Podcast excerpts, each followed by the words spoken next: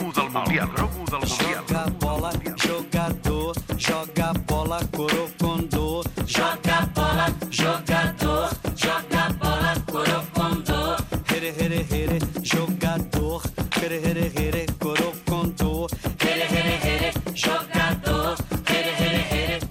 Obrim el nostre àlbum del Mundial amb el Pol Gustems. Pol, bona tarda. Bona tarda, David. Joga bola, jogador. Sí, sí. Joga bola, corococo. Ja te la saps, oi?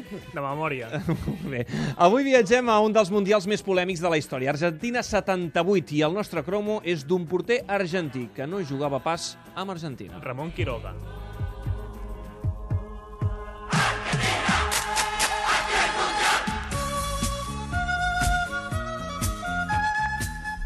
Música de gairebé japonesa, eh, diria. És la que van... Em sorprès que no, que no tingui lletra. És l'oficial del Mundial. És l'him- 78. eh, l'himne oficial del Sí, sí. Mundial d'Argentina 78. Sense lletra, que vaig néixer. m'ha sorprès, m'ha sorprès. Un Mundial molt marcat per la situació social d'Argentina, la dictadura llavors amb Jorge Videla al capdavant, un Mundial fosc, un Mundial on no hi va segurament una de les estrelles que podia haver canviat potser el signe de la final, Johan Cruyff, que aquell any va patir un intent de segrest abans de- abans d'anar al Mundial, i és un Mundial sobre el que se n'en parla molt i encara s'investiguen coses i partits perquè es creu que potser algun partit va estar una mica arreglat. I avui parlarem precisament d'un dels protagonistes del partit més sospitós de la història dels Mundials.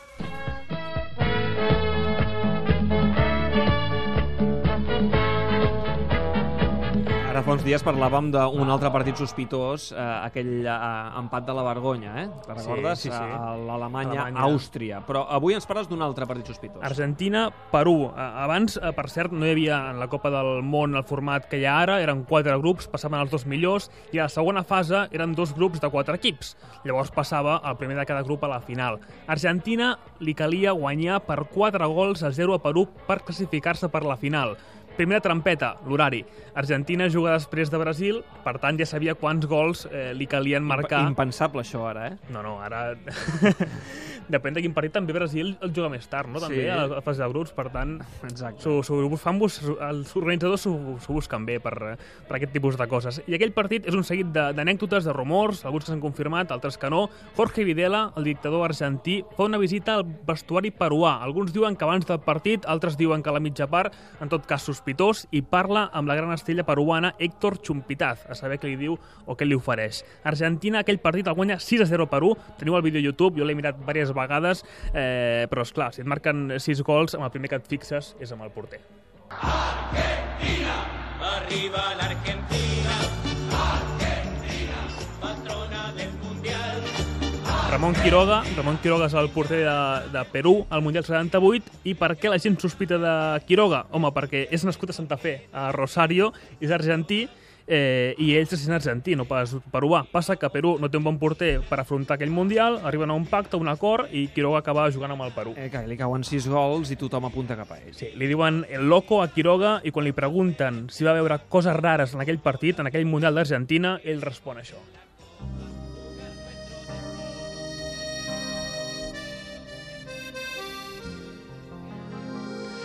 que si hubo doping en la selección argentina, ¿cómo es el argentino? Vivo, somos pendejos, queremos ser más que todos, por eso salimos campeones. La de cosas raras que inventaron los brasileños, ¿te das cuenta? Vaja, M'encanten aquestes dramatitzacions eh, que fas, Pol, al, al cromo del Mundial. Encara n'hi ha un altre més endavant.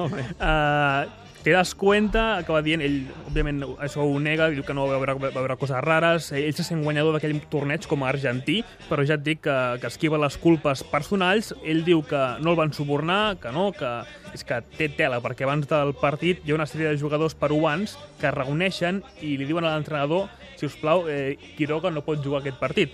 Amb el negro Muñante al capdavant, li diuen a l'entrenador, a Marcos Calderón... Perquè s'ho veuen a venir, S'ho- saben que hi haurà mm, Clar, trampeta, eh? que pot ser- que pot haver-hi que el porter trampeta. està comprat. que podria, podria estar-ho. En un primer moment sembla que els hi farà cas, Calderón i que no el posarà, que Quiroga no jugarà, però arriba el dia del partit i Quiroga juga. Primera part, eh, Boyantes de Perú envia una pilota al pal, per tant, jo crec que tots els jugadors no estaven complets, com a mínim potser era una cosa de- d'uns quants, uns defenses, o potser el porter, però Kempes marca, marca el primer i van caient els gols, un darrere l'altre, i fins 6 a 0. Llega Galván, final. Dos de Kempes, dos de Duque, uno de Tarantini, otro de Husseman. el equipo de la Argentina hace uno de los grandes milagros en la historia del fútbol. Sí, un dels grandes milagros, tu diràs, amb el porter comprat. Però... Suposadament, presumptament Eh, comprat. jo m'he vist les imatges Perquè i... això no s'ha demostrat oficialment No, mai no, no. a la història, eh? No, alguns jugadors peruans han admès que hi havia alguna cosa, però el porter, o sigui, ell diu que, que ell no. Eh, jo he vist les imatges i certament el porter poc pot fer en els gols. Potser en el quart hi ha una mica de dubte, però és que són gols que la defensa peruana el deixen arribar fins al final. I Quiroga, eh, ell assenyala directament els seus companys. Eh, un dels defenses l'any següent rep una oferta de Vélez i se'n va jugar a Argentina, per tant és sospitós. I ell té clar, Quiroga, que potser no ell, però que alguien agarró guita.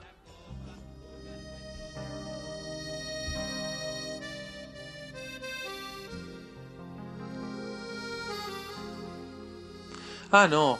Pero Manso fue a... Sí, Manso el año siguiente se fue a jugar a Vélez. Eso fue escandaloso.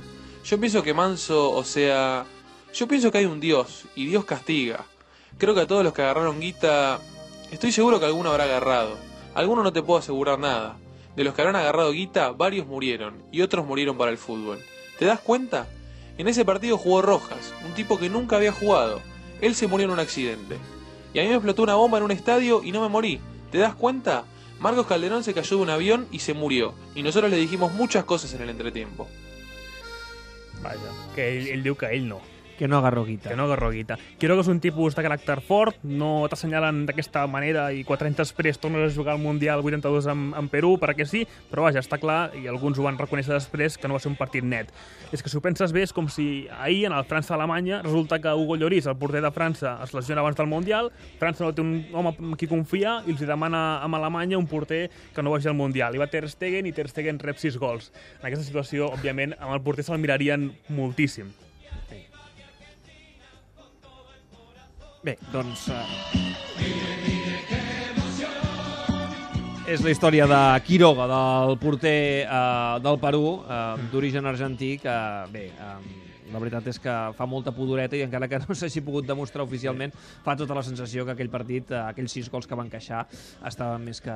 Després, a la, Més que comprats. sí, a la final arriba Argentina, Argentina guanya Holanda i els holandesos també creuen que alguna cosa ha passat i no van a recollir el, el trofeu de subcampió. subcam- De subcampió. Molt bé. Doncs, Pol, avui una pàgina més d'aquest àlbum del Mundial, avui per parlar de Quiroga, del porter del Perú, d'aquest Mundial d'Argentina del 78, amb aquests sis gols que van queixar i aquesta història de, bé, si estava comprat o no estava comprat. Gràcies, Pol, demà més. Demà més.